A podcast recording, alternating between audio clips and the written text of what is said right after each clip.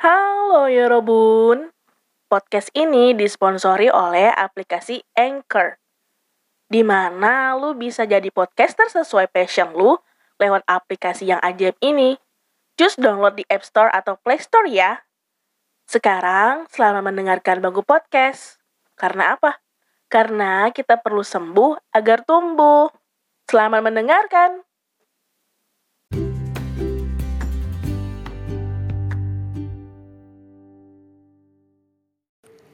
Kemarin lagi ngobrol-ngobrol bareng ada ipar. Cerita tentang banyak hal hingga akhirnya tuh kita ngobrolin tentang percintaan teman-teman dari adik gue ini ya. Sebut aja dia bunga.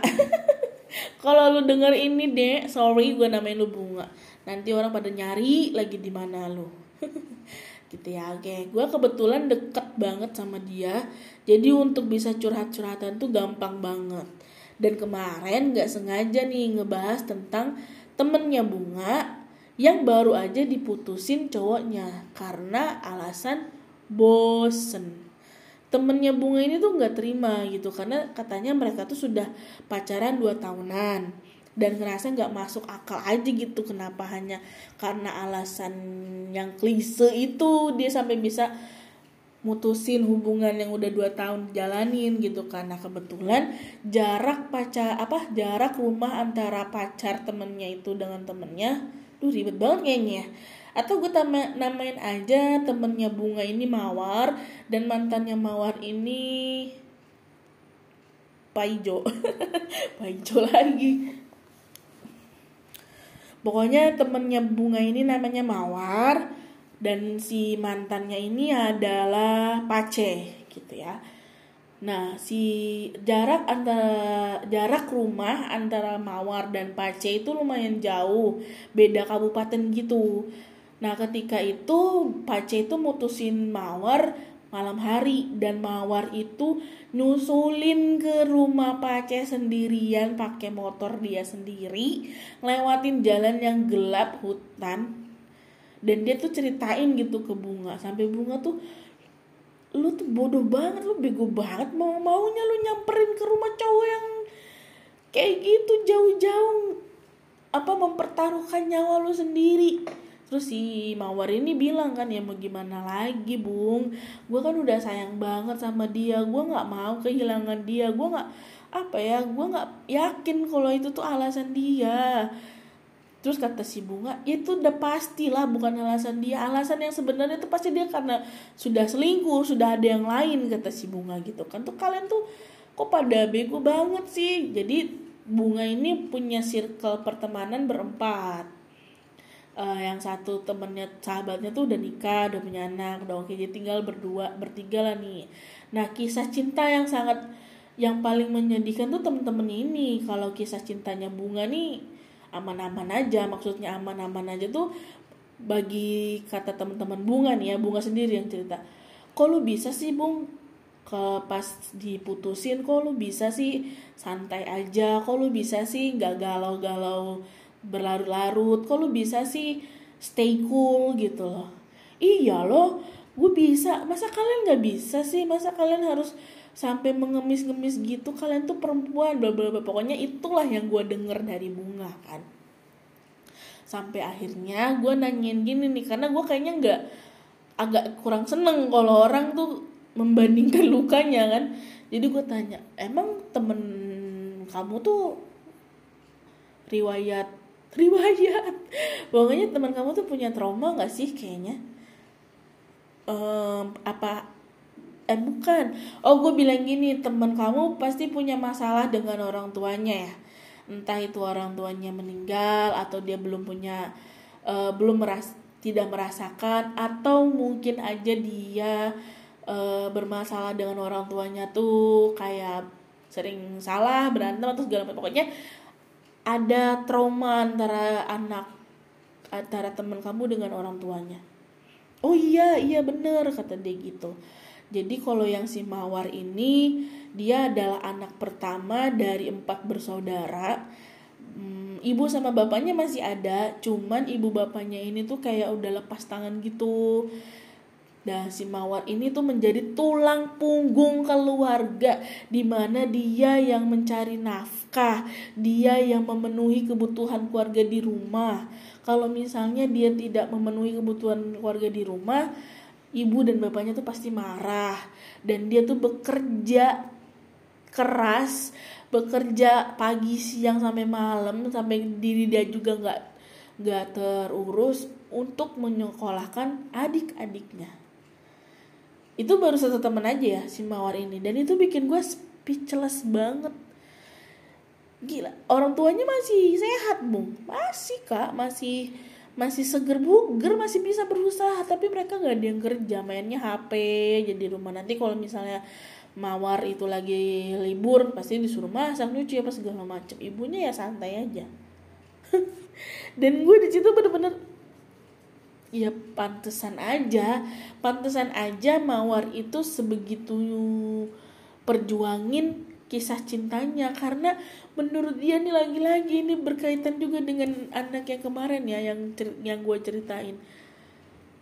Dia itu menemukan sosok yang baik sosok rumah dalam mantannya itu dalam diri Pace. Dia tuh ngerasa bahwa oh gue bisa ya disayangin oh gue bisa ya mendapatkan perhatian dari orang yang gue sayang gitu yang dia nggak dapetin di dalam rumah dia. Jadi ketika dia kehilangan rumah yang baru dia jadi kayak bingung. Ih nggak bisa dong. Ih nggak boleh. Kenapa? Kenapa harus gue harus kehilangan dia? Kenapa dia harus ngelepasin gue gue kan udah bahagia sama dia. Gue kan udah cukup ini sama dia gitu. Akan selalu ada kayak gitu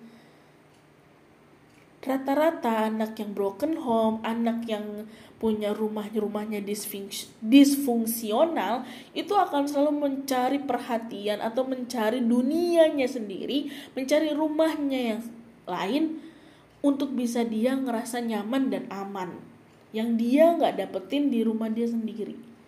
Dan kamu nggak bisa memaksa temen kamu untuk kamu jangan kayak gitu dong. Masa gitu doang kamu cengeng? Masa kamu gitu doang? Enggak. Karena apa bung? Kamu itu mendapatkan kasih sayang yang cukup dari ibu dan juga bapak. Yang notabene mertua gua. Kamu tuh mendapatkan dukungan yang penuh ketika kamu sakit orang tuamu selalu ada menanyakan kamu menanyakan kebaik-baikan kamu apa? Menanyakan kabarmu menanyakan menanyakan perasaan kamu peduli yang itu ngebuat kamu ngerasa cukup. Makanya ketika kamu di disakiti atau dilukai oleh orang luar kamu ngerasa itu lukanya tidak begitu besar. Karena ada penyembuh dari luka itu yang ngebuat kamu akan lebih tenang.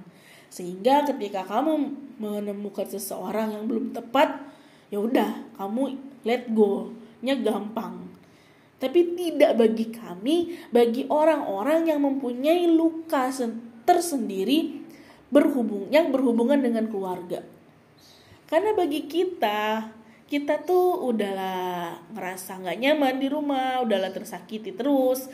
Kita tuh pengen menemukan seseorang yang bisa yang bisa memberikan kebahagiaan. Itu salahnya satu. Karena lagi-lagi kita tidak bisa mengharapkan kebahagiaan dari orang karena kita harus menciptakan kebahagiaan kita sendiri. Kita sendiri yang harus kumpulin puzzle kebahagiaan kita sendiri baru bisa kita persembahkan kebahagiaan kita untuk orang lain. Gitu. Nah orang-orang yang broken home dan yang punya rumah disfungsional ini tuh mereka nggak ngerti gitu loh. Kalau mereka nggak ada yang ngasih tahu nggak ada yang memberi paham akan selalu ada trauma di setiap anak-anak, di setiap orang yang memiliki uh, memiliki apa ya? Memiliki masalah dengan rumahnya. Dan bagi kalian kalau misalnya kalian punya masalah, kalian punya unek-unek, silahkan lagi-lagi silahkan email ke trilogi persahabatan at supaya hati kalian lega, supaya kalian bisa punya sudut pandang yang baru dan kalian lebih semangat lagi. Ingat ya, dari mana pun keluarga kalian berada, dari segi apa pun kalian dilahirkan, kalian itu tetap berharga dan kalian itu tidak pantas merasa terluka, tidak pantas untuk disakiti. Kalian juga punya hak untuk bahagia, kalian juga punya hak untuk dihargai. Oke, okay? kalau misalnya kalian apa kalau misalnya kalian menemukan yang sering nyakitin kalian berarti kalian belum menemukan yang tepat untuk kalian coba jangan fokus untuk mencari orang tapi coba fokus untuk mencari dan mencin mencari cara mencintai diri sendiri dulu agar kalian bisa terlihat indah di depan banyak orang oke okay? kalian pasti bisa email aja email. Ceritain aja apa keluh kesah kalian apa yang membuat kalian tuh bener-bener ke trigger atau perjuangan apa yang sedang kalian hadapi. Insya Allah insya Allah mudah-mudahan gue akan membalas dan memberikan sudut pandang baru pada kalian. Oke? Okay? semangat